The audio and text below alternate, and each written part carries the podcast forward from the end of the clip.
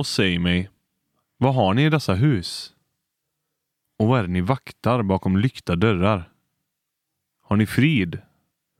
Den stilla trängtan som avspeglar kraft? Har ni minnen? De skimrande bågar som spänner över livets höjder? Har ni den skönhet som drar hjärtat från ting gjorda av trä och sten till det heliga berget? Säg mig, har ni detta i ert hus? Eller har ni endast vällevnad och dess begär? Detta smygande något som kommer in i huset som gäst och sedan blir värd och till sist herre.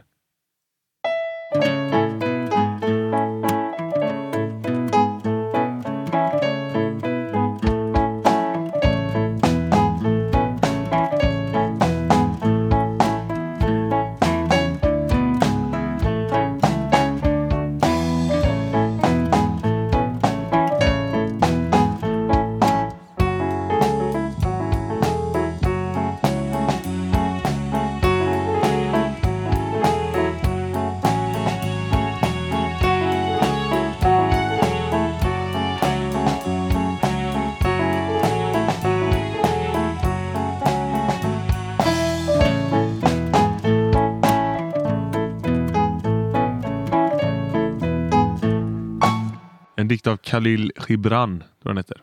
Kommer från boken Profeten som jag tror jag släpptes någon gång i början av 1900-talet, 1920, 1930 någon. Mm. Och anledningen till att du läser den så fint här i början av vår podcast är för att vi ska prata om eh, bostad idag. Ja, precis. Bostad.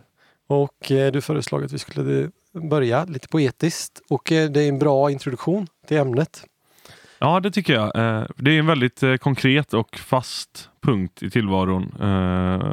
Samtidigt som man då kanske kan göra den lite mer poetisk och lite mer Mm. eh, spännande på det sättet, tänker jag. Och något som är intressant är ju att Khalils dikt står sig bra än idag. Och Mm. när vi diskuterade innan här ämnen om hur vi ska angripa det här ämnet Ja. så var det ju mycket av det vi sa som angränsar till de här få raderna som du läste innan eh, gingen.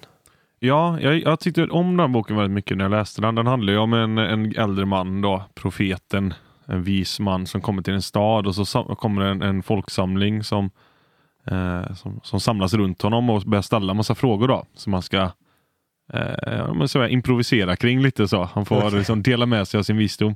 Och det är det ju en, någon som då vill veta vad han har att säga om hus egentligen. Eh, och när jag läste den här dikten så slogs jag lite av det, det som jag tror är kärnan i de raderna jag läste nu. Just att eh, man, man kommer till, till sitt, sin bostad eh, eller skapar sig sitt bo eh, för att man vill ha en trygghet och någonting som är härligt att komma tillbaka till och en trygg punkt i vardagen om man säger så. Mm. Men om, om huset blir för bra så att kontrasten mellan världen utanför och det huset som man har byggt upp blir för stort så kan huset också förvandlas till en typ av fängelse. Mm. Man blir så bekväm så att man, man slutar och ja, man lever bara i begär och vällustnad. Man har sin sköna soffa och sin stora tv och sin bra stereoanläggning och sitt snabba internet och sina fina element och sin sköna dusch och den fina tvättmaskinen och allt det där. Eh, och så helt plötsligt så kanske man istället då, le, le, ja, som han säger, man fastnar där i vällevnad och så blir man övertagen av hu- huset tar över den. Det som Ja. skulle vara en tjänare blir ens herre på något sätt. Mm. Och det är väl eh, just i dagens samhälle med liksom Hemnet, he, Hemnetknarkande och Mm. ständiga liksom, ja, annonser om eh, olika inredningstips och Mm. allting så eh, har det väl aldrig varit mer passande egentligen. För eh, det är ju som du säger en, ja, en eller så som du ofta har sagt, det är Mm. drömmarnas marknad. Ja. Min bror jobbar ju som, som bostadsmäklare i innerstaden i Göteborg. Uh, och Det har ju vuxit så enormt mycket hela den här homestyling, uh, eh, hela Hemnet, att man uh, sitter liksom och surfar och tittar på olika boenden. Och Det är ju väldigt starkt kopplat till människors drömmar om livet. Jag tror att om, om, man, om man skulle bara alltså plocka ut en genomsnittsmänniska någonstans i Sverige och titta in i den, öppna den personens huvud och titta in vad drömmer han om på, på vardagarna. Mm. Så tror jag den vanligaste drömmen är nog kopplad till någon form av boende. Ja. Eh, Ett fint hus som man ser om eller en, en lägenhet eller sådär. Ja, jag, jag, jag håller med dig helt och hållet. Jag, jag blir fascinerad varje gång när man sitter på, eh, när jag letade lägenhet då i Mm. Göteborg. Och sen satt man på lunchrasten och sa, ah, nu ska jag gå på en visning. Och så, det var ju liksom flera kvinnor runt eh, lunchbordet där på jobbet som Mm. hade koll på liksom, ah, vilken av de här Hemnet-annonserna är det. Så de bara listade dem från minne. Ja. Liksom. Och du var, du var lite så här, jaha, söker du boende? ja. Och de bara, nej, nej, nej. Nej, nej, jag har bara koll, jag har bara memorerat hela, allting som kommer ut på Hemnet. Ja. Eh, ja, för de är, ja, det är sjukt hur folk kan bli besatta av, eh, av just det här. Ja, personligen så är jag ju lite så besatt av eh, ljudutrustning nu. Ja. Så jag lägger ju en del tid på sådana sidor och så kollar på saker som jag ändå inte kommer ha råd att köpa inom de närmsta åren. Så sitter man där och tittar på dem bara. Och, så att det, är- det är en väldigt stark kraft i människan, hela den här. Mm. Men, men boendet, just att det också har blivit en så jättestor, eh, det är så mycket, det är en livs, din livs stora investering nu när det Mm. har blivit så, så dyrt med bostad. Och, och dessutom då att konceptet har tagit så fruktansvärt långt med homestylingen och eh, fot fotograferna som ska komma dit och göra. Ja. Det är verkligen, är det, är det fyra väggar, ett tak och, en gol- och ett golv du säljer eller är det en dröm du säljer egentligen? Mm. Nej, ja, det är väl mycket en dröm. Ja, jag alltså. tror också Ja. det. Och det som vi, det vi har gått ifrån, är, det intressanta, det som skiljer en bostad Mm. jämfört med en fin gitarr, om Ja. man säger, det är att du behöver ju inte en fin gitarr. Det är ju en fin krydda i tillvaron. Mm. Medan i grund och botten så behöver du fyra väggar och ett tak. Ja. Så en bostad, den fyller ju ett syfte och alla Mm. måste ha den. Ja. Men sen så har den blivit något så mycket mer än själva original, den här originalgrottan eller vad för Ja. hyddan eller vad vi bodde från början. Det har liksom vuxit upp till, ja, in till något helt annat.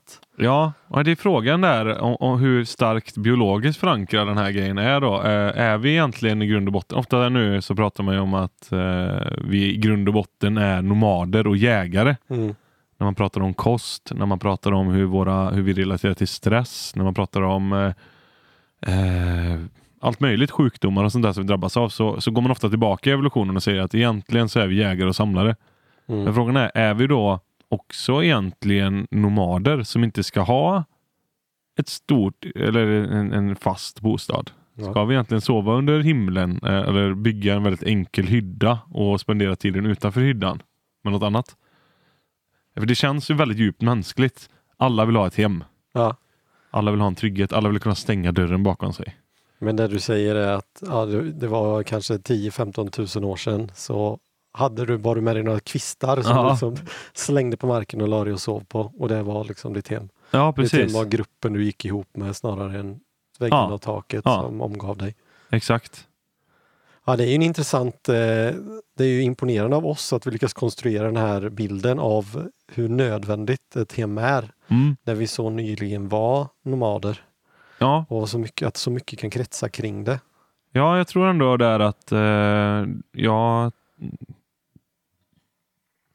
tycker självklart att, eh, att hemmet är viktigt och den, och den tryggheten innebär och att man ska kunna stänga dörren bakom sig. Jag älskar det själv också. Eh, men eh, om man ser på det från det perspektivet som är ett ganska populärt perspektiv nu för tiden som man ofta använder för att säga att vi lever inte riktigt som vi borde leva Mm. och vi mår dåligt över det. Eh, och även om man tittar på vet det, Khalils dikter där så kanske det finns skäl att ta ett steg tillbaka lite från den här nästan besattheten. Hur mycket lägger man i genomsnitt på bostadskostnader varje månad? Jag tror det är någonstans runt 30 procent Ja, eh, i genomsnitt av ens disponibla inkomst. Eh, och är det då så viktigt eller skulle vi kunna downscala hela, hela bostadsinstitutet?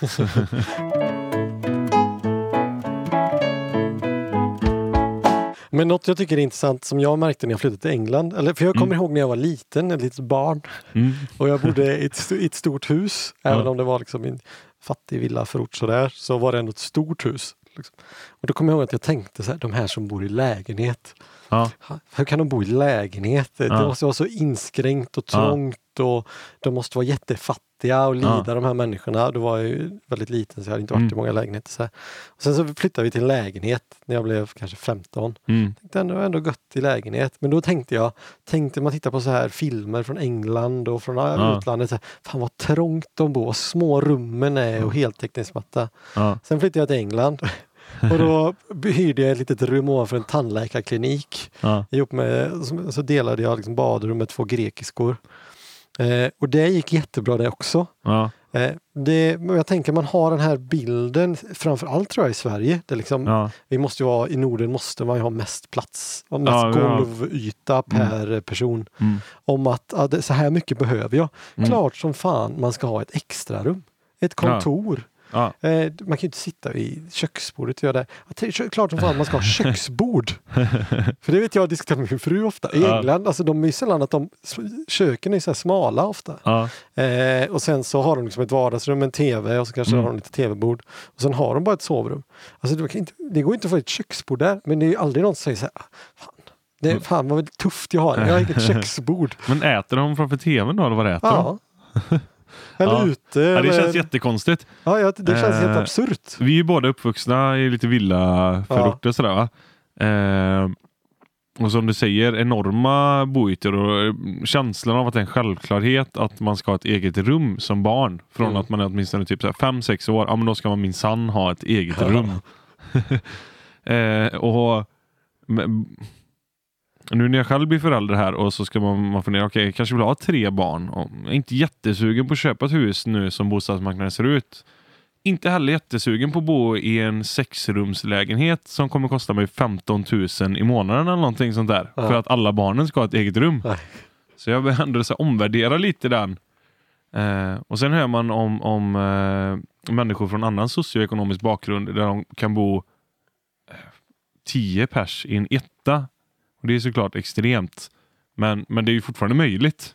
Det Ja, ja, går ju att bo trängre. Alltså att, att man ska ha ett eget rum kanske inte är helt och Det är inte skri- skrivet, det var inte det som Gud kom på eh, sjätte dagen liksom, när han han skapade världen. typ.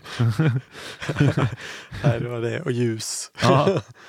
Och, och det finns nog kanske, har jag funderat lite på på senare också, någon form av baksida. Man brukar prata om att Sverige är världens ensammaste land. Eller så här. Det, var, Mm. det rullades väl upp för eh, några månader sedan, den här mannen som hade varit död i tre år i sin lägenhet. Ja, det var någon serb eller någonting som hade bott där i 40 år. Ja.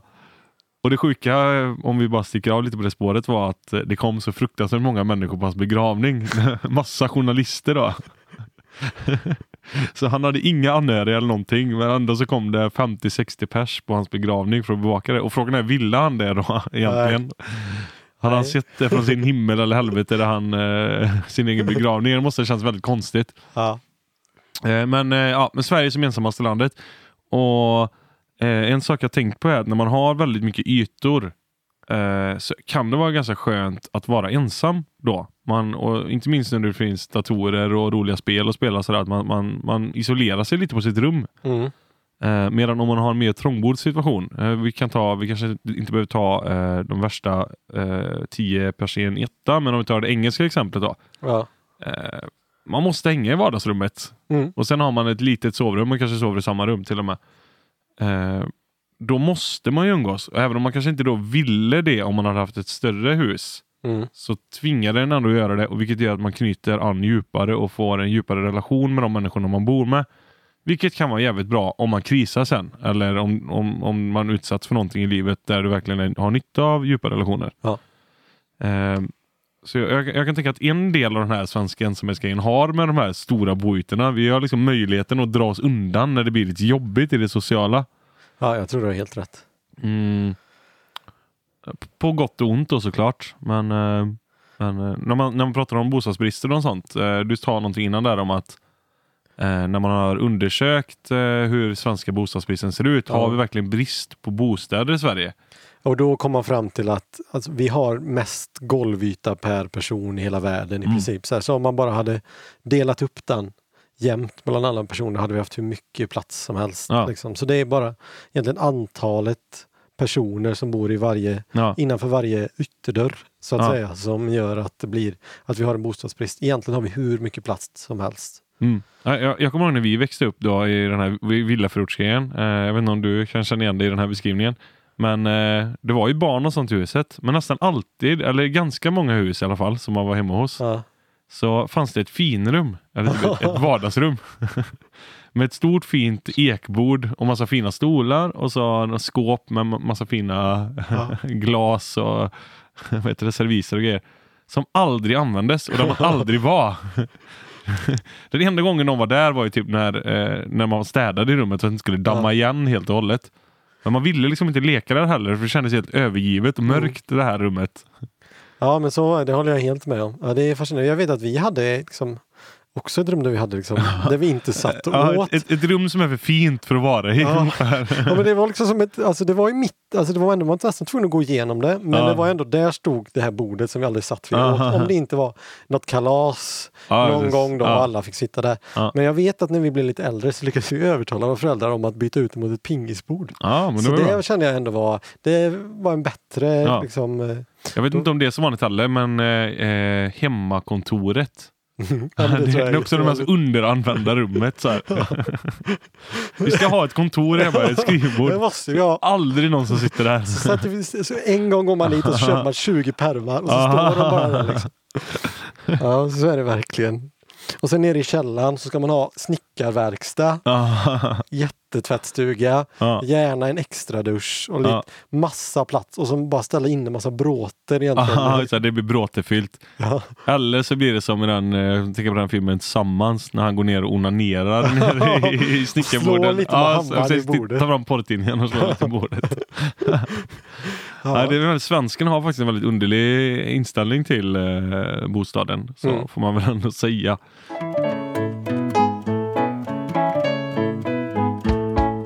En eh, mer humoristisk eh, Mm. vinkel på det här med att vi får börja bo lite mer tillsammans Ja, är ju att eh, det här med eh, andra konsekvenser av att bo med andra människor så som vi Ja. har påverkats lite av tidigare i bostadsrättsföreningar och liknande. Folk Mm. eh, för oväsen. Folk lämnar ludd i eh, tvättmaskinen. mm, Arga lappar. mm. Tänker, det är ju en hel, liksom, det är så, så svenskt som det kan bli att skriva en liten tjurig lapp till eh, grannen om att de inte har skottat på Ja. garageuppfarten eller att de inte har tagit ur alla kläder i tvätt, tvättmaskinen vid rätt Mm. tidpunkt. Är det något vi tror kommer kunna, det är något som kanske kommer växa här nu då? Ja, arglappen är ju... Den, en sak jag gillar med arglappen är att den är en, en sak som har stått sig eh, analog i den digitala eran. Nästan allt analogt har ersatts av någon digital variant. Ingen läser tidningar längre, för man läser den på sin padda. Men arglappen går liksom inte. Den, den är där den är. Ja, ja, men jag har faktiskt nu för att kro krossa det? det, här så Ja, jag har hört ja. ett exempel på en digital variant av arglappen. Aha. Det var någon som bodde i ett hyreshus och som ovanför de eh, knullade väldigt högt. Mm. Då bytte han namnet på sin in wifi till ni upp i lägenhet 373 kan ni knulla lite lägre, det stör. Så jag tänker det är väl en digitalisering Ja, den av den arga lappen. ja. Jag tycker jag var fiffig. Den var riktigt fiffig faktiskt.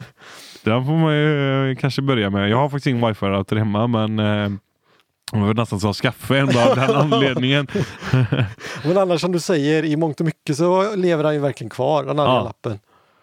Och jag, men det var sällan, jag vet inte om jag har fått någon arg lapp. Jag har ju, man har ju hört mycket. Jag vet, David Batra har ju säkert Mm. tjänat miljoner på att skriva böcker om arga lappar. Mm. Eh, men jag vet inte om jag har blivit tilldelad någon arg lapp. Jag har blivit tilldelad eh, några stycken kan jag säga i mina dagar. Ibland befogade, ibland obefogade. Har du något exempel? Eh, det senaste jag kommer på nu, eller jag levde i stökigt som student så då kunde Ja. det ju varit eh, den. Men eh, det senaste nu var en obefogad som handlar om eh, en sur tant som bor eh, någonstans, eh, vår granne. Eh, och så var det att vi hade parkerat på ett ställe som hon inte tyckte om fast hon har ingenting med det att göra. Så, Mm. eh, och det är väl det som är den, man reagerar med arglappar är att folk då är för konflikträdda för att ta det och så skriver de en lapp istället. Men är det i tvättstugan så hamnar man i den här eh, desperata situationen. Man vet ju inte vem som är den skyldige. Nej. Så jag kan ju förstå då att man faktiskt lämnar en arglapp. Men jag, jag hade en sån här om veckan. hade jag bokat tvättstugan så gick jag till tvättstugan och då var jag och då kom- jag in där, kanske var tio minuter sent med tvättid och då var det redan tvätt i tvättmaskinen. Mm. Jag blev så jävla arg va. Ja. Jag tänkte vad är det här för svin? Ja.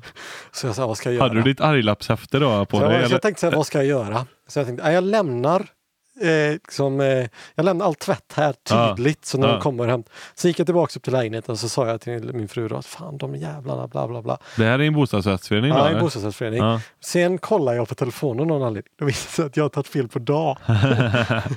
så det var himla tur att jag inte skrev en arg lapp Ja. där. Så jag fick liksom skynda mig ner och hämta, tvätt, tvättkorgen där innan de hann komma in. ja, Så inte Du de fick- skulle bli arga på Nej. mig då. då har du verkligen fått tvätta byken offentligt. Ja, här, för verkligen. din skam. Men det är härligt så vi får väl hoppas nästan tycker jag att arga lappen eh, Mm. lever kvar här då i det trångbodda framtida Sverige. Mm. Ja men det är ju det är klurigt att bo ihop. Eh, att dela lägenhet, ja. ja. eh, Det finns ju grannar som kan vara störande på olika sätt. Eh, jag tycker att jag har klarat mig ganska bra genom åren. Eh, men sen är nästa dimension av det här som du sa, att man börjar flytta ihop.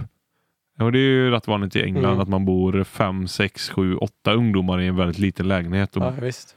och det har jag ju själv gjort. eh, Haft, bott, vi har ju varit roomies Ja, och vi. sen har jag varit roomies med många andra också. Och det, hela det är ju nästan en stor vetenskap. Hur, hur, Ja. hur blir man en bra roomie? Hur är man inte en dålig? Vad är en bra roomie? Vad är en dålig roomie?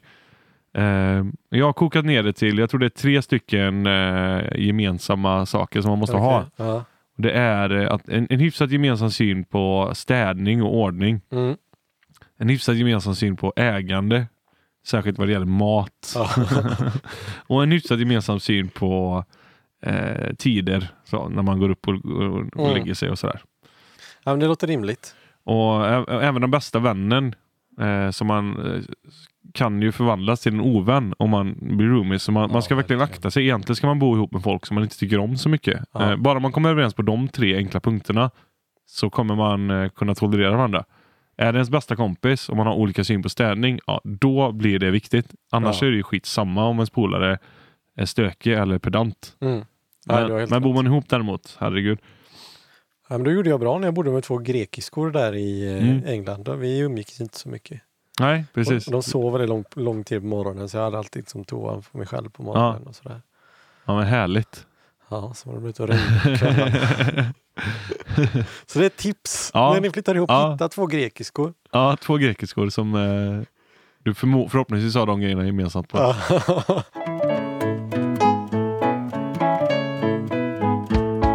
Vi funderar lite på det här med kvinnligt och manligt också. eh, Kring, eh, vi har haft ett, eh, ett avsnitt som heter kön, men om man tar det ur ett bostadsperspektiv. Då finns ju den här myten om kvinnan som, vad säger man, women nest. Men hant. Ja, Ja. precis. Jo men så tror jag det är mycket.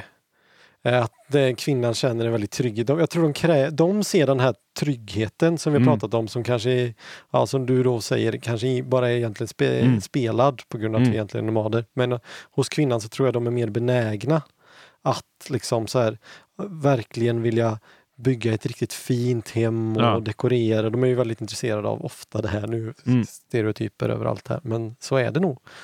Det är en sak som jag uppskattar om en kvinna har den egenskapen. Jag, jag gillar kvinnor som vi gillar att se om sitt hem. Ja, Det tycker jag är något fint. Eh, jag håller med dig. Jag håller med dig. Eh, Medan män bygger altaner, i alla fall. Ja, exakt. Det eviga verandabygget. Jag undrar hur många altaner som har byggts Ja. i Sverige. Ja, liksom Vi måste också ha bland den högsta kvadratmetern trall Ja, i, i, världen. män. Och det här med att man måste bygga sin egen altan. Ja. Jag tror det är bara i Sverige också. Ja, det är ovanligt att inte bygga den Nej, vi kan inte ta in någon och bygga altan. Sen är det en väldigt rolig sak. Enkelt, för det är inte så avancerat. Det är bara att sätta upp de här eh, Ja, men det är väl grundpelarna först de här. Gjuta, de här pålarna där ja. som är kanske lite... Och sen är det mer eller mindre bara att skruva upp den. Ja. Så- Och det, det går väldigt snabbt. Det är inte som att måla om sina fönster på baksidan av husen. Ingen ser det. Det är svinjobbigt. Mm. Men ändå viktigt. Och du köper tryckimpregnerat, så du behöver Ja. inte ens behandla det. Nej, nej, det det bara är bara- där. Upp med skiten.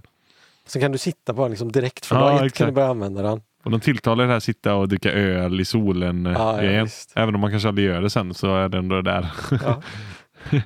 Nej men eh, en, en baksida av det där i så fall då kan ju vara att eh, mm, jag tycker det kan vara en ganska allmän jargong bland män i alla fall att man har egentligen ingen makt över bostaden. Eh, det börjar med att man köper ett hus tillsammans eh, och så har man lite så bråk eller lite viljor. Mm. Det slutar ändå alltid med att kvinnan drar det längsta strået.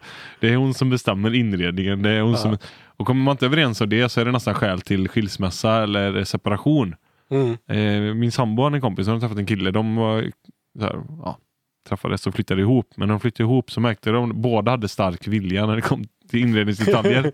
Ja, och han inte. gav sig inte då. Och då, ja, det tog ju slut. Jag vet inte om det bara var därför men Ja, men det är nog stor. Ja, men det är, så är det ju verkligen i mitt hushåll. Eller, jag är ju väldigt Mm. ointresserad så det är ju, jag är väldigt tacksam att vara med någon som är intresserad. mm, För annars hade jag liksom nöjt mig med tv, soffa, köksbord, säng. ja, Sen hade det aldrig blivit något mer tror jag. Ja. Om jag inte fått något av min morsa, någon blomma eller någonting. ja. Nej, men det, det som jag kan gilla det här är att eh, jag, jag själv också väldigt funktionellt orienterad. Köper jag nya saker till hemmet så är det någonting, en funktion. Mm. Eh, en, en ny högtalare, en, en ny tv, eller nu har vi ingen tv men eh, ja, men det ska fylla en funktion som saknas. Mm.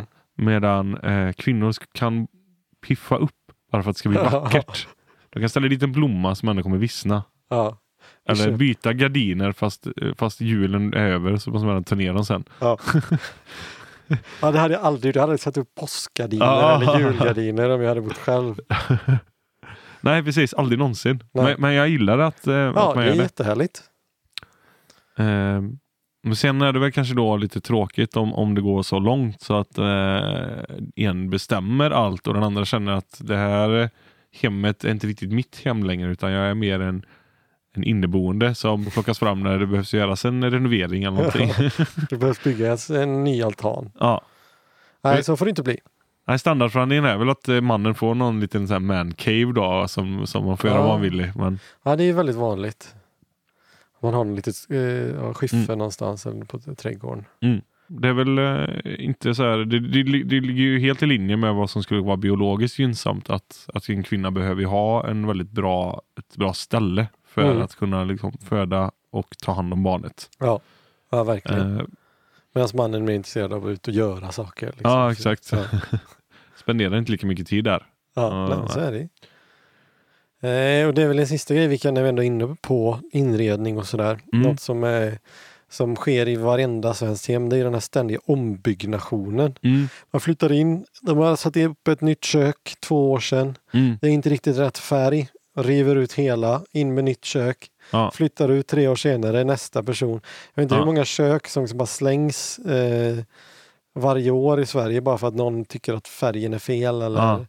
Och det är allt, man sätter sin prägel på alla hem. Och det är väl Ja. på, till, till en viss gräns så, så, såklart. Liksom. Men Det det, är där tror jag viktigt. drömmarnas marknad är mycket inblandad. Att eh, det är en väldigt stark marknadsföringskraft som för oss mot att vi ska vilja uttrycka oss unikt genom Mm. de här eh, ja, inredningssakerna. Varför ska man börja byta kök var tredje år? Eller var femte år? Eller, eller varför, bara för att du flyttar in i ett nytt ställe kan du inte nöja dig med det som är. Ja, ja, Nej, du visst. ska riva ut allting och betala 200-300 tusen för att ändra på det bara. Ja, jag hörde, det var någon gammal lärare tror jag som berättade om alltså anledningen till, alltså, jag tror han var biologilärare och han berättade om varför börjar bli så mycket mer allergiska Mm, på 60 och 70-talet. mm, Mycket mer allergier. Och det var just för att eh, det var att hemmafrun började bli ett koncept i Sverige. Aha, Eh, för innan var det ju att man jobbade på gården och alla jobbade och sen så Mm. blev det, fanns det en period när männen gick ut och arbetade mm, och sen blev det senare då, det kanske var på 60 och 70-talet, m- kvinnorna började jobba så det kanske var perioden innan där ja, då. ja, Där det, blev, det fanns en hemmafru i Sverige då, där mannen Mm. jobbade innan liksom kvinnorna har fått sin, eh, ja, eh, liksom tagit, tagit plats. Och vad gör kvinnorna då när de är hemma? Jo, eh, vad ska man göra? Jo, man ska hålla, man får hålla rent i Mm. hemmet. Så det var först då som folk, som det blev en statussymbol och har liksom städat. Och Mm. inte städat som ett i ordning utan städat som att ha sopat och dammat och, inte, ja, och gjort sig av med all smuts i hemmet. mm, Och det har då, leder då i sin tur till att vi blir mycket mindre resistenta mot liksom pollen och djurbakterier och allt det här vet, som gör att vi, ja, ja. vi sen blir allergiska. Så det är väldigt intressant att av hundra år sedan, det var, ing, det var liksom ingen det, sa ingenting om dig som person, att det var lite dammigt i hemmet. Men det var först att du behövde liksom en hemmafru för att hon ska ha något att göra. Så blev det, för, ja, då blev det, nu är det rent här. Det är viktigt. Mm, ja, Jag försöker säga till min fru ofta, hon säger vi måste städa så vi inte blir sjuka. Så det har ingenting med att bli, att Nej. det är dammigt gör inte att vi blir mer eller mindre virussjuka eller bakteriesjuka. Det är bara att det ser ostädat ut. ja. Det är det det gör. Eh, så det är, det är intressant tycker jag hur liksom sociala normer kan eh, påverka oss. Ja, precis. Hur, hur att Det finns inget, vi har inget bättre för oss nu egentligen. Så att därför skapar vi en idé om att du ska visa hård självdisciplin egentligen. Ja. Då, att eh, du ska kunna göra det här om och om igen varje dag och se till att det är rent och visar att du har en högre status. För det finns inget egentligen syfte, liksom medicin syfte med att inte ha dammtussar i hemmet. 6 maj 2010. Klockan är eh, 14.32. New York. Dow Jones Industrial Average, dojan i svensk finansiell folkmun. Ett amerikanskt aktieindex börjar sjunka plötsligt. Inom, inom loppet av några få minuter är den ner så mycket som 9% Hundratals miljarder dollar upp i rök. Men slakten, som skedde i en takt aldrig tidigare skådad, avstannade snabbt. Inom loppet av ytterligare en kort period hade aktiemarknaden återhämtat sig till den grad att den bara var ner ett par procent för dagen. Senare kom händelsen att beskrivas som en av de mest turbulenta perioderna i den finansiella marknadens historia. 36 minuter. Ner och sedan upp. En flash crash. Ingen vet helt säkert vad som var den utlösande faktorn. Marknaden var förvisso i ett spänt läge. Med pågående europeiska val samt en global oro för potentiella ekonomiska konsekvenser av en grekisk skuldkris. Men den utlösande faktorn är än idag inte helt fastställd. Teorier varierar från att det var ett mänskligt misstag till robotar till kalkylerad marknadsmanipulation som gick överstyr. Sedan 2010 har flera liknande händelser ägt rum på finansiella marknader runt om i världen. Det är inte längre människor som handlar på börserna. Det är datorer, robotar, algoritmer som utför hundratals transaktioner varje millisekund. Och kanske flashcrashen 2010 var det första tecknet på att maskinerna börjar bli mänskliga. För i tider av börsoro, bostadsbubbelrädsla, en begynnande lågkonjunktur och coronavirusrädsla kan jag inte låta bli att tänka att det är tydligare än aldrig tidigare hur lika vi är, robotarna och vi människor. Lika irrationella och med samma flockbeteende tar vi oss an osäkerhet och kriser. Likt hur människor följer strömmen och agerar irrationellt och i panik. Flashcrashar maskiner gjorda av ettor och nollor till synes oförklarligt i grupp. Det krävs så lite i dagens samhälle för att vi ska gå bananas. Vi och datorerna. Nyheter om en influensa som är lite farligare än en vanlig gammal klassisk variant får en hel värld att stanna. Algoritmer sänker Stockholmsbörsen med 5% på en dag. Vi är så sköra. Ju mer komplex världen runt omkring oss blir, desto mer på helspänn måste vi vara för att kunna hantera den. Ta in den. Vi och datorerna. Det finns oändliga mängder med nyheter att tillgå bara en mobiltelefonskärm bort. Vi läser om invandrare som våldtar. Sverigedemokrater som fifflar med skattepengar. Sjukdomar som dödar 80-åriga kineser. Bostadsrättspriser som gick upp 2% sedan förra månaden och snart är tillbaka på rekordnivåer. Bianca Ingrossos sminkreklam. Klimatkriser. Vi agerar i grupp och affekt. Donald Trump blir president. Luften blir förgiftad av koldioxid. Finansiella marknader flashcrashar.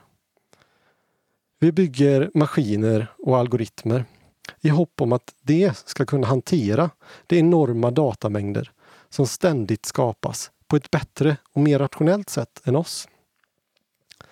Men datorer är snart också människor. Med flockbeteende och känslor. Vi flashcrashar. Vi är så sköra. Vi och datorerna.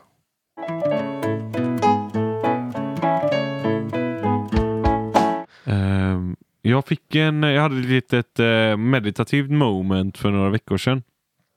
Ehm, jag kände mig lite djup och så blundade jag och så fick jag en, eh, en liten vision framför mig.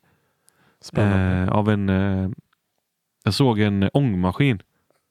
Och vet, man, nu, nu har jag mest erfarenhet av sådana här små ångmaskiner när man var liten. Mm. Men det är någon, någon form av axel som snurrar runt så. Mm. Och i början så går den ganska långsamt. Så, Mm. tush, tush. Och sen så går den snabbare och snabbare och till slut så snurrar den fort så. Eh, och jag fick någon vision av då hela mänskligheten. Eh, de senaste, ja men sen vi började utveckla teknologi egentligen. Så att, vi kan ju säga att det började med ångmaskinen men det började mycket tidigare än så. Mm. Någonstans där har liksom mänsklighetens rör, rörelseenergi intensifierats och accelererats på Jaha. samma sätt som en ångmaskin. Tills det nu snurrar så fort så att man inte ens ser. Eh, Ja, det är är bra, som ett hjul bra som snurrar. tycker jag. Och, alltså, informationsutbyte är egentligen det det handlar om då. Mm. Nu är det börs, transaktion och börsen men det är andra former av utbyten också som, som sker hela tiden och det sker globalt mellan alla noderna som är varje individ på den här jorden. Det bara går fram och tillbaka, fram och tillbaka, snabbare och snabbare och snabbare. snabbare. Vi producerar liksom många miljoner, miljarder gånger mer information på, eh, på ett år idag eller på en dag idag än vad vi gjorde för, för ja, 100 eller 200 år sedan. Ja, ja visst. Ehm, Ja, jämfört med, med, jag tror jämfört med 20 år sedan. ja. Eller Så, 10 år sedan kanske. så, och det borde i sin tur göra att när det väl både kraschar eller eh, saker och ting går bättre så har, poten- har den potentialen att göra det väldigt mycket snabbare idag. Mm. Det är klart vi är biologiska varelser så att coronaviruset kanske inte kan sprida sig så mycket snabbare än vad det gör. Inkubationstiden är det den är. Men, men vi rör oss fortfarande på ett sånt sätt över hela jorden så att det kan bli en pandemi ganska ja, ja, snabbt. Jag läste någonstans, det var liksom på 10 år hade vi tiofaldigat antalet flyg. Alltså det, om man Mm. jämför med när sars skedde så var det tio Ja. gånger så mycket flygningar eller Ja. någonting. Och det hade jag svårt att greppa för det var ju så nyligen Ja. ändå. Ja, det är en eh, exponentiell acceleration av Ja, eh, den här verkligen. eh, axeln som bara... Vi- Nu är vi inne i någon sån, något, man hör inte ens att det är rotation, Ja. äh, rörelser utan det är bara en lång ton av... Och det vi har adderat nu är ju liksom det här informationsflödet också. Alltså Mm. så fort tre stycken blir sjuka i Kina så vet hela världen om det. Ja, Och den här oron som växer hos människor.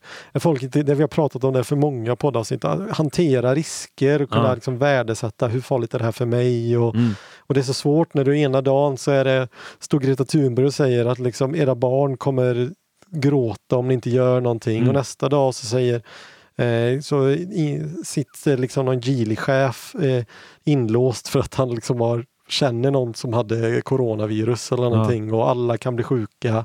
mm. Och sen en tredje dag så ska Donald Trump bomba någon annan och du vet. Och, ja. det är svårt att hantera tycker jag. Ja, Eh, det, eller- det är verkligen det. När, när maskinerna och datorerna kommer in och gör det åt oss, de, de kan ju processa så mycket mer information också än vad vi Mm. ens kan överblicka. Så då blir det verkligen eh, eh, svårt för oss att hänga med i, Ja. i svängarna. Men det jag tänker är att maskinen inte kan, de, de kommer aldrig klara det heller till fullo. De kommer Nej. hända de här. Och de kommer bara bli helt galna någon Mm. gång ibland. Vet, när det bara, Mm. nu säljer vi allt. Nu förstör vi finansiella marknaderna. Nu gör vi det här. Eller nu alla självkörande bilar bara får för Mm. sig. Ska vi krocka istället? Eller vad sjutton som helst. Det blir för mycket. Jag tänker ju som förälder mycket nu att eh, när man har ett barn som är helt och hållet fött i den digitala eran. Mm. Vår generation, vi är födda i slutet av 80-talet, vi står ju med en fot i båda erorna. Alltså Ja, vi har en fot i med. det analoga och en fot i det digitala.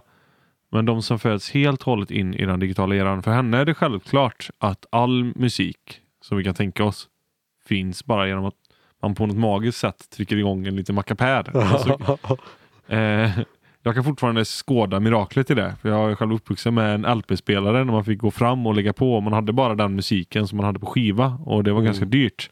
och när man hade det, nu är det dags att vända sida. Och ja, i hela internet och, och allt det där. eh, Att, och det är så lätt att fastna vid eh, den oändliga mängden högkvalitativ underhållning som finns Mm. att tillgå gratis inom situationstecken. Eh, så det känns som att våra generation nu, nu när vi får barn som är födda helt i den digitala eran så är det viktigt att, de, att, de, att man eh, hjälper dem i den analoga världen. Att man lär dem hur den funkar. Det, det sker inte riktigt automatiskt längre. Nej. Du kan sätta en iPad framför en tvååring och sen kan han fastna framför den Ja. tills resten av livet.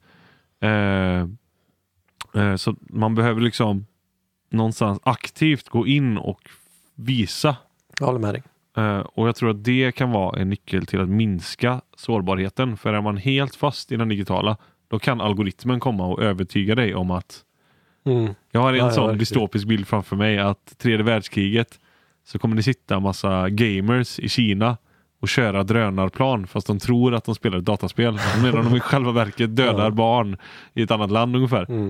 Eh, och jag tror man blir sårbar och mer lättmanipulerad om man, om man har för mycket av sin tillvaro i den digitala världen. För den är så suggestiv och den är så konstruerad och den är Ja. så eh, man kan plocka fram vad som helst på en skärm och skapa vilken verklighet som helst där. Eh, men om man är kvar också i den fysiska världen med nära relationer med vad det nu är, vi har här extra, riktiga instrument som man kan spela på och slå på och så, Mm. liksom, eh, En boll att sparka på. en boll att sparka på. Eh, då, då blir man lite, det, lite mindre sårbar, kanske också lite mindre lättmanipulerad. Mm. Man har fortfarande tillvaron i, i, i den fysiska verkligheten där man är just nu. Mm. Och inte bara i den här globala mashupen som bara är så kaotisk som den är.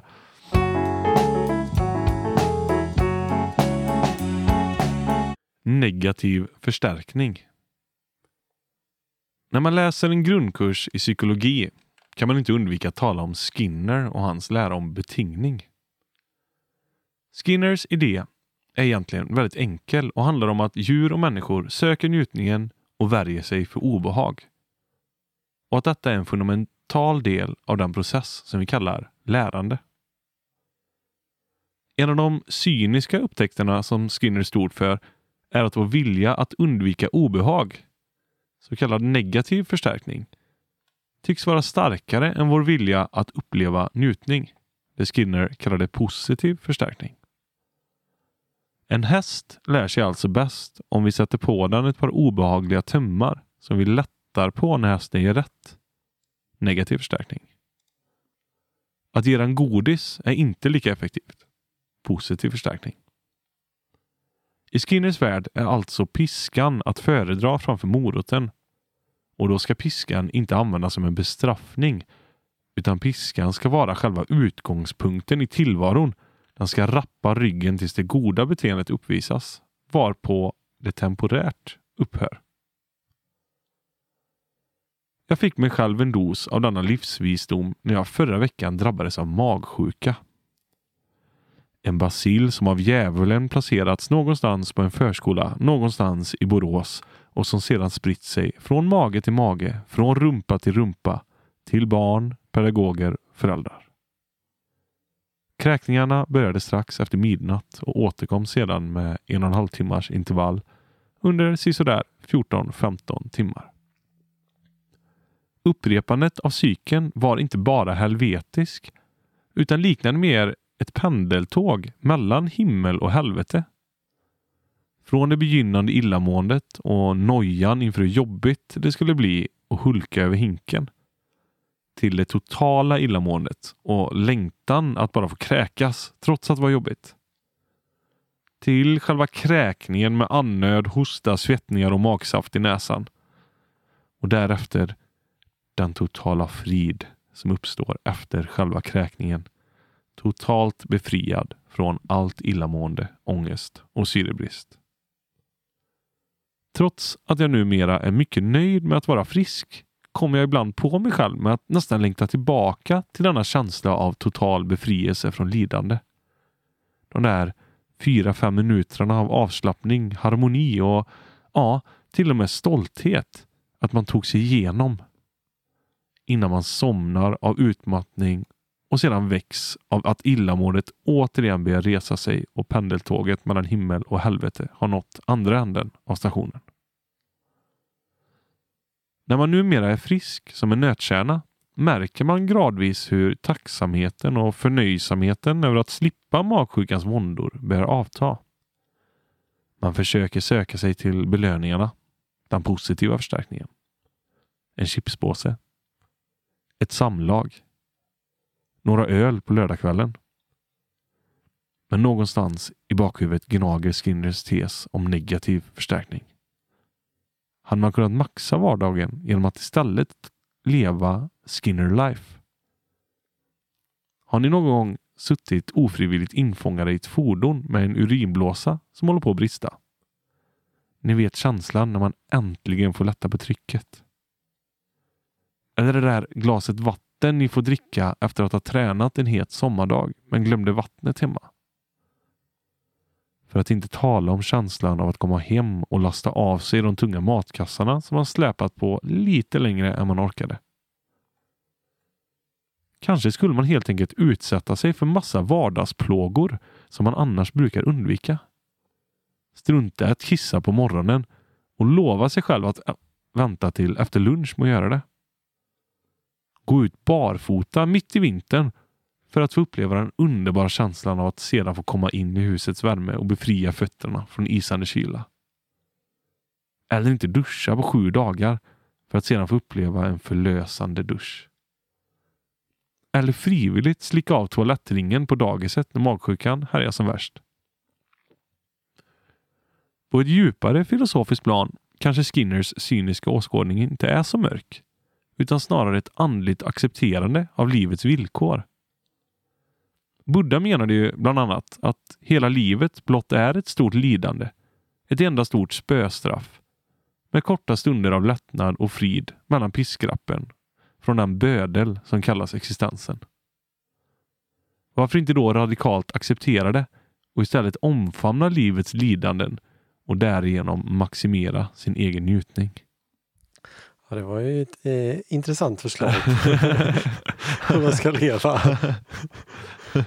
Ja, jag kan ju känna igen mig i allt det du säger. Det här om att framförallt det här man har suttit i en bil väldigt länge. Sagt om man har druckit öl i en bil och man inte, man inte vet vad man ska göra. Det är som att nu kommer det explodera, nu kommer jag dö snart. Man har läst om någon kung som dog av eh, urinblåsan spräcktes. Alltså, en kungen då? Han borde Ja, ändå kunna säga till dem att stanna. Ja, Men jag tror att det var vid eh, någon sån här middag, du vet, Ja, så fin, någon fransman eller något. Han bara höll sig. Eh, och sen så när man väl får pissa, det är helt sjukt Ja, det är verkligen det är. helt tokigt. Och det här med matkassen också. Det, är också Ja. det, det var bra, du har hittat bra små moment i vardagen Ja, och, som du ja, som exempel. Eh, men jag tänker ändå att det här eh, att det kanske inte är för mig. Men Nej. eh, jag förstår precis vad du säger. Ja, jag, jag känner väl också det att det, det här var ju det här var ju en, en kanske ganska bra argumentation för Mm, den här idén. Eh, och jag har faktiskt, just med pissexemplet, så har jag faktiskt tänkt så någon gång att det här var så skönt. Så jag har nästan värt att göra om det. Ja, Frivilligt. Bara för att det är så fruktansvärt skönt. Det ja är, det var pissexemplet. Det är ja, det är på orgasmnivå Ja. liksom. Den Eh, förlösningen. Ja, är, Men intuitionen säger ju att man inte ska gå omkring och plåga sig själv i onödan bara Nej. för att...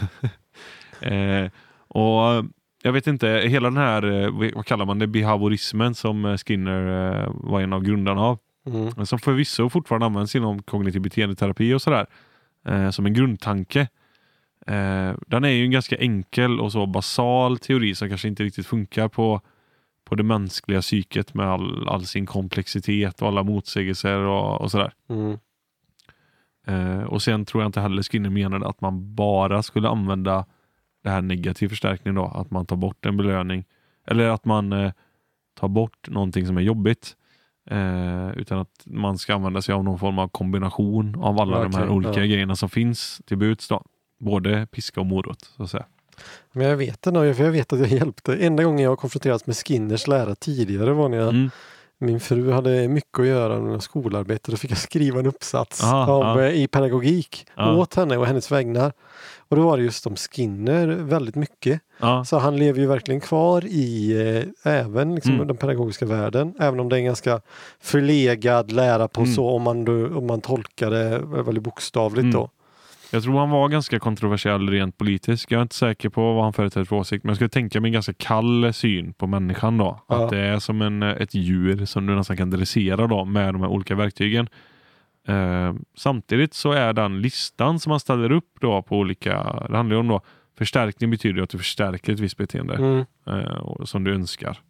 Och Då kan du antingen göra det med positiv förstärkning eller negativ. Sen kan du också utsläcka ett oönskat beteende. Så det finns det också då. Ja.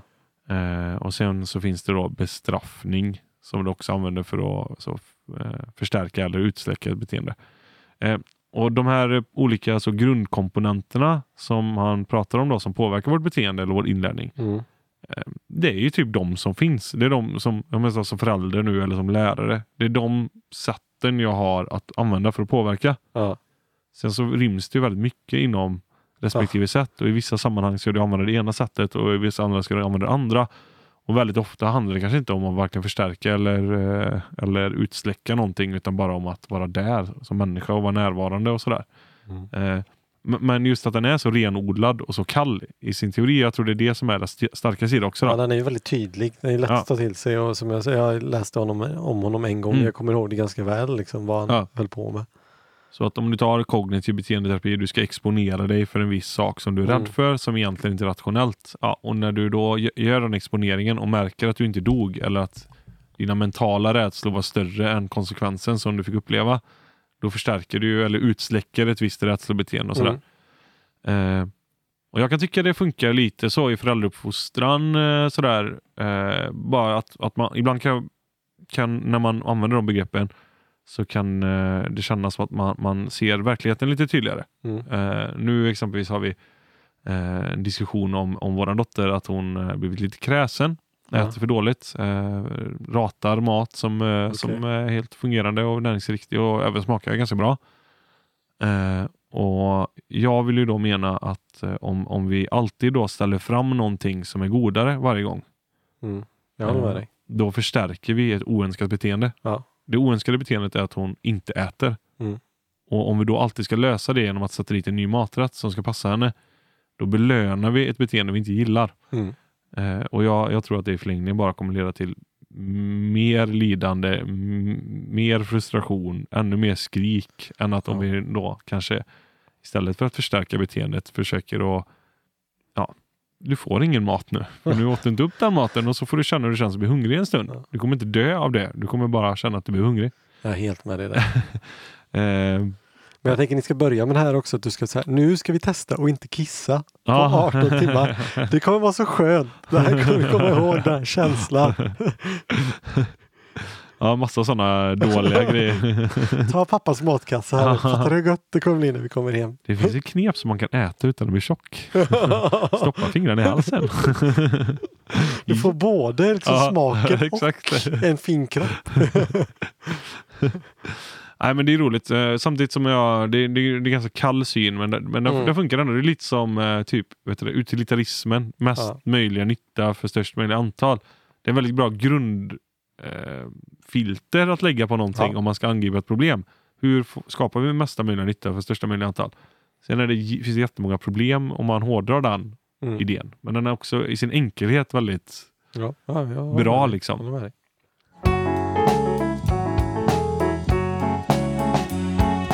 Då var det dags för vårt återkommande segment här i podcasten. Och detta kallar vi för veckans Flashback.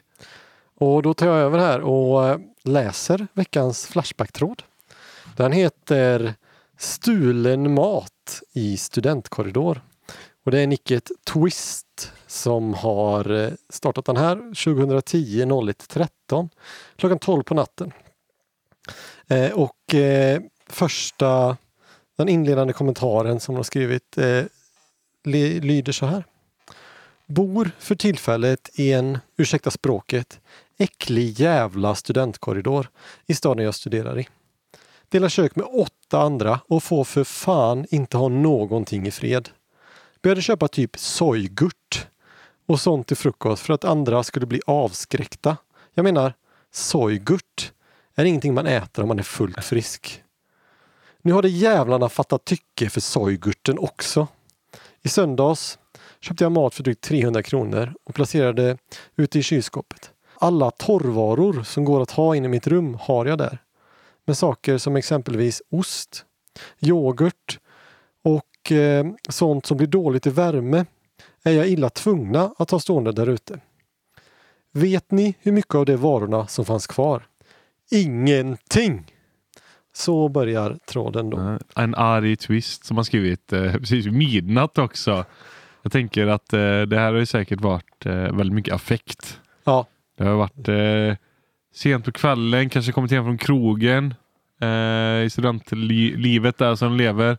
Hon vill ta en liten nattmacka. Ja, lite nattmatta och lite sojgurt. det är en bra strategi att köpa sojgurt för ingen frisk människa skulle få för sig att äta det. Men nu har de jävlarna fattat tycke för min sojgurt också. Eh, Eh, ja, men ja, man, man lider ju med henne.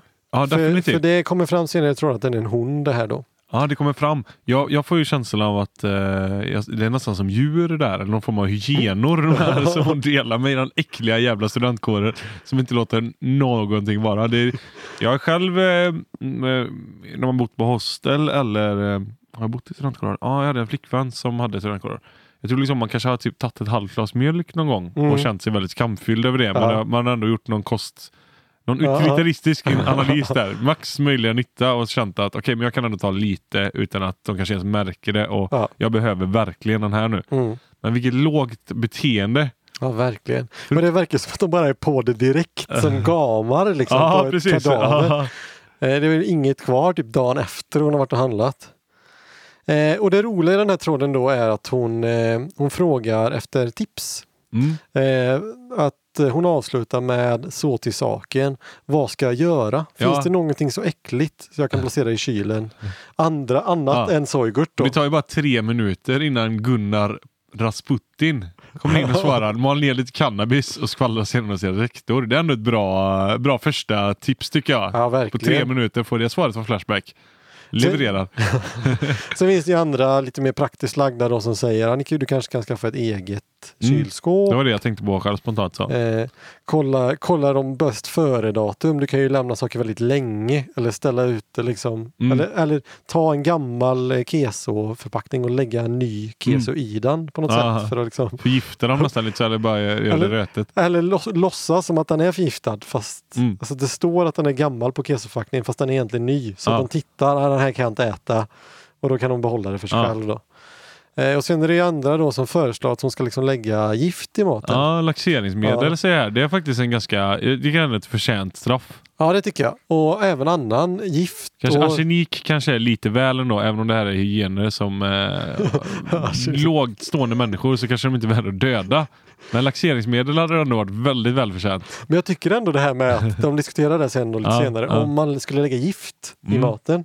Det är ju ändå sin egen mat. Ja, Hur mycket man borde kunna lägga hur mycket gift, alltså om nu någon annan skulle äta ens Mm. egen mat. Hur mycket ansvar har man för det? Liksom? Om man nu, skulle råka vara arsenik i Ja. en mat som jag liksom lagt dit själv för att jag vill äta arsenik i liksom, leverpastej med arsenik. ja.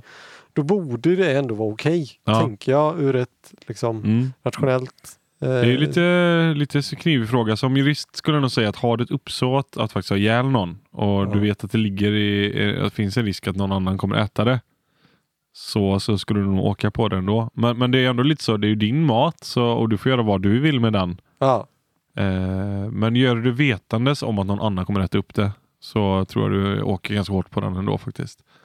Sen så är det lite andra, så här, eh, om man kan göra saker med maten. Alltså så man, istället för att lägga gift i den så kan man till exempel då eh, olla den föreslog eh, Ja. någon människa. Men sen då, det är då här hon, eh, i, så hon berättar att hon är kvinna då, så Ja. hon får väl klitta den då istället.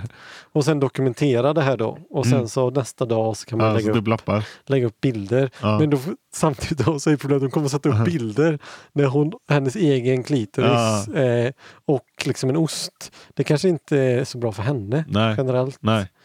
Eh, så så det är, hon, hon kanske får behålla maten Ja, men sen den- så är det, cirkulerar bilder av hennes eh, Det kommer många underliv. med ett pris där. Ja, ja, det gör ju det kanske. Stopp och väx vet jag inte ens vad det är för något. Eh, det verkar vara ett återkommande tips. Det verkar som att det slutar med att hon faktiskt flyttar ifrån korridoren och att det löser sig den vägen. Men, eh, men eh, ja, jag, jag vet inte nu vad, om jag skulle kunna komma på någonting som är smartare. Arglapp är ju såklart givetvis ett alternativ. Ja, ja, bör kanske kanske ha inte- provat det redan. Ja, det är en diplomatisk lösning i alla fall. Eller i alla fall försöka Mm. prata med individerna. Ja, det borde de ju ha provat innan. Eller övervakningskamera och eh, kom in och ta dem på bar gärning. Ja, ja det men det här var ju 2010. Det kanske var svårare att få tag i så småkameror och sånt där. Eh, men eh, det är skönt att det gick bra för henne i slutet. Ja, Det är ju hemskt att man ska behöva flytta på det sättet. Jag kan... Eh, ja, jag stör mig väldigt hårt på folk som eh, vid en, åtminstone när de är över 15-16 år ännu inte har förstått eh, vad kallar man det? Allmänningens tragedi. Att man har liksom eh, någonting som delas, som alla måste ha, ha Mm. en tillvaro i. Eh, och om man då snyltar eller parasiterar eller förstör det så kommer det försvinna och alla kommer bli lidande. Ja. Eh, och Det kan ju vara allt ifrån en eh, gemensam kyl där du tar andras mat. Ja, vad kommer hända? Alla kommer få skaffa en egen kyl och ha inne på rummet. Ja. Köket kommer tas bort. Ja. Vem blir glad av det? Alla förlorar på det. Mm, jag håller med dig. Så nej, stort eh, hat på de människorna. De förtjänar inte arsenik men åtminstone laxeringsmedel. Ja. Sen kommer sista inlägget på tråden här. Eh, också den eh, mentaliteten som är den absolut värsta. Som jag också ogillar starkt. Sjukt dåligt att eh, stila stor mat. Kan du inte käka upp de andras mat? Eh, det är en dålig lösning på det här problemet. ja, och där har vi ju eh, ett av de argumenten jag hatar mest av allt. Det är inte bara jag. Det spelar ingen roll om jag gör så, för alla andra gör likadant. Eh, ta klimatfrågan och sånt där. då. Ja. Ja.